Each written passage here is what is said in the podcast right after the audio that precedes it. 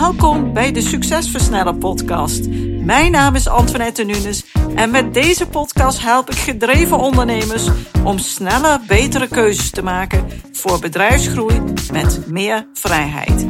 In deze podcast deel ik tips, kennis en heb ik gesprekken met andere succesvolle ondernemers om jouw succes te versnellen, wat zorgt voor meer tijd, meer voldoening en meer winst. Let's go! Leuk dat je weer luistert naar een nieuwe aflevering van de Succesversneller podcast. En vandaag wil ik wat vragen met je doornemen die ik regelmatig hoor van ondernemers die toe zijn aan de volgende stap om hun bedrijf verkoop klaar te maken. Omdat ze het bedrijf onafhankelijker van zichzelf willen maken, omdat ze echt van plan zijn om het bedrijf te verkopen, omdat ze dan ook zo'n hoog mogelijke prijs willen vangen. En het is natuurlijk gewoon een mooi proces om te volgen. Nou, de vragen die ik regelmatig krijg zijn allereerst: hoe lang duurt het om mijn bedrijf verkoop klaar te maken? Nou, de tijd die nodig is om je bedrijf uiteindelijk te kunnen verkopen voor de hoogst mogelijke prijs, is voor een heel groot en belangrijk deel afhankelijk van hoe snel het jou lukt om je bedrijf minder afhankelijk van jezelf te maken. Want je snapt wel hoe zelfstandiger jouw bedrijf is, hoe makkelijker het verkoopbaar is en hoe hoger de waarde. Want iemand koopt niet jou, die koopt ook niet jouw kwaliteiten, die koopt een bedrijf. En dat bedrijf moet zonder jou kunnen draaien. En natuurlijk zijn er bepaalde dingen die overgedragen kunnen worden, maar het moet niet afhankelijk zijn van jou. Zeker niet in het operationele proces. En daarbij is het natuurlijk ook afhankelijk, hoe lang het duurt, van de complexiteit van je bedrijf en welke processen je hebt en wat er allemaal geautomatiseerd is en hoe je het op dit moment georganiseerd hebt. Maar in de grote lijn is het dus vooral afhankelijk van jouzelf. Hoe toegewijd ben jij om hier een verandering in aan te brengen, om hiermee bezig te gaan, andere dingen te doen dan die je gewend bent om te doen, maar die je wel heel veel waarde opleveren en een veel makkelijker leven bieden. Dat was de eerste vraag. En de tweede die ik met je wil behandelen is: moet ik mijn bedrijf dan volledig loslaten? Want dat idee ontstaat vaak als ik zeg: je moet je bedrijf onafhankelijker van jezelf maken. Nou, dat hoeft niet. Het eerste doel is niet om je bedrijf volledig los te gaan laten, maar wel om het minder afhankelijk van jezelf te maken. En wat ik net al zei, vooral in het dagelijkse operationele proces. Als je namelijk loskomt van dit proces, kun je je gaan focussen op strategische beslissingen en groei. Dan kan je daarmee bezig gaan, terwijl alle dagelijkse werkzaamheden door je team worden uitgevoerd. En hiervoor werk ik met duidelijke systemen die snel en heel erg effectief in iedere organisatie zijn toe te passen. En hierdoor kan je wel een stukje van alle verantwoordelijkheid die nu nog op je schouders rust, overdragen aan anderen. En dat zorgt voor een betere balans in je bedrijf. Zorgt ook voor dat je door de groeibelemmering die je misschien nu voelt, door kan breken. En het zorgt ook voor meer rust in je hoofd en meer vrijheid. De derde vraag die ik met je wil behandelen is, en die ik dus regelmatig krijg, welke taken kan ik het beste automatiseren? In een bedrijf kun je eigenlijk alle routinematige en terugkerende taken automatiseren. Denk bijvoorbeeld aan administratieve processen, salesprocessen, voorraadbeheer, facturatie, noem maar op. Alles wat in, in een herhaling zit, dat kan je automatiseren, wat steeds weer terugkomt. Ik noem dat zelf ook wel de 10 euro taken, want heel veel van deze taken zijn niet super ingewikkeld en kan je als je iemand daarvoor inhuurt vaak voor 10 of 20 euro eh, gedaan krijgen door iemand anders. En dat is natuurlijk niet hetgeen waarmee jij als ondernemer het verschil gaat maken. Jij richt je op de 100.000, 10.000 of misschien wel 100.000 euro taken. Als je dit gaat doen, dan krijg jij veel meer tijd om die creativiteit en de menselijke interactie die het voor het verschil zorgen, om die te gaan toepassen. Dat zijn vaak de taken die ook heel veel geld kosten om in te kopen, maar waarmee jij zelf juist de meeste impact maakt, waarmee jij dat bedrijf verder helpt en waarmee jij veel sneller succes kunt realiseren. Dus taken die je automatiseert zijn vooral de taken die routinematig zijn en steeds weer terugkomen. De vierde vraag: hoe zorg ik ervoor dat mijn team ook daadwerkelijk zelfstandig wordt? Wat ik in de dagelijkse praktijk hoor, is dat ondernemers ervaren dat ze het wel overdragen aan teamleden, maar dat het weer terugkomt op hun bordje. Dat ze het niet zien, dat ze niet doen wat ze moeten doen. Allemaal van dat soort verhalen.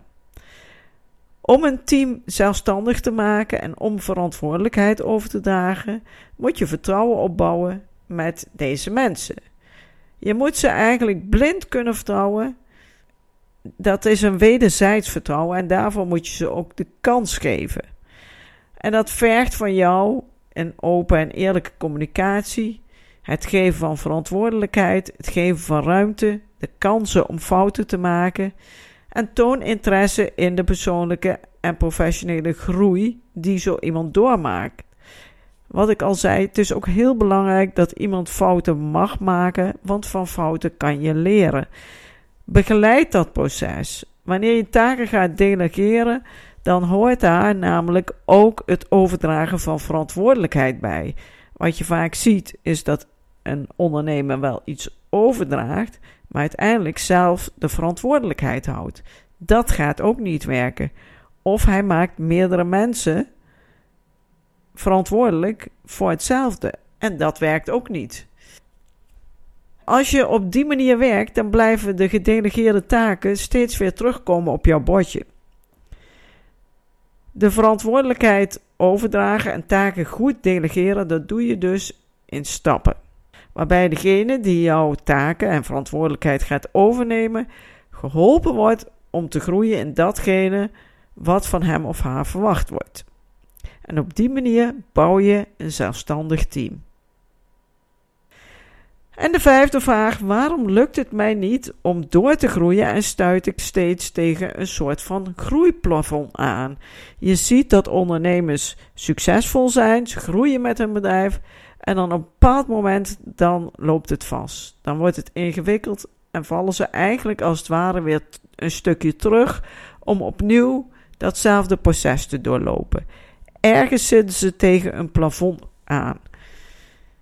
En veel ondernemers die willen wel misbaar zijn in een bedrijf, maar het lukt ze uiteindelijk niet om vanuit die driver's seat een bedrijf te bouwen wat onafhankelijk van hen succesvol is.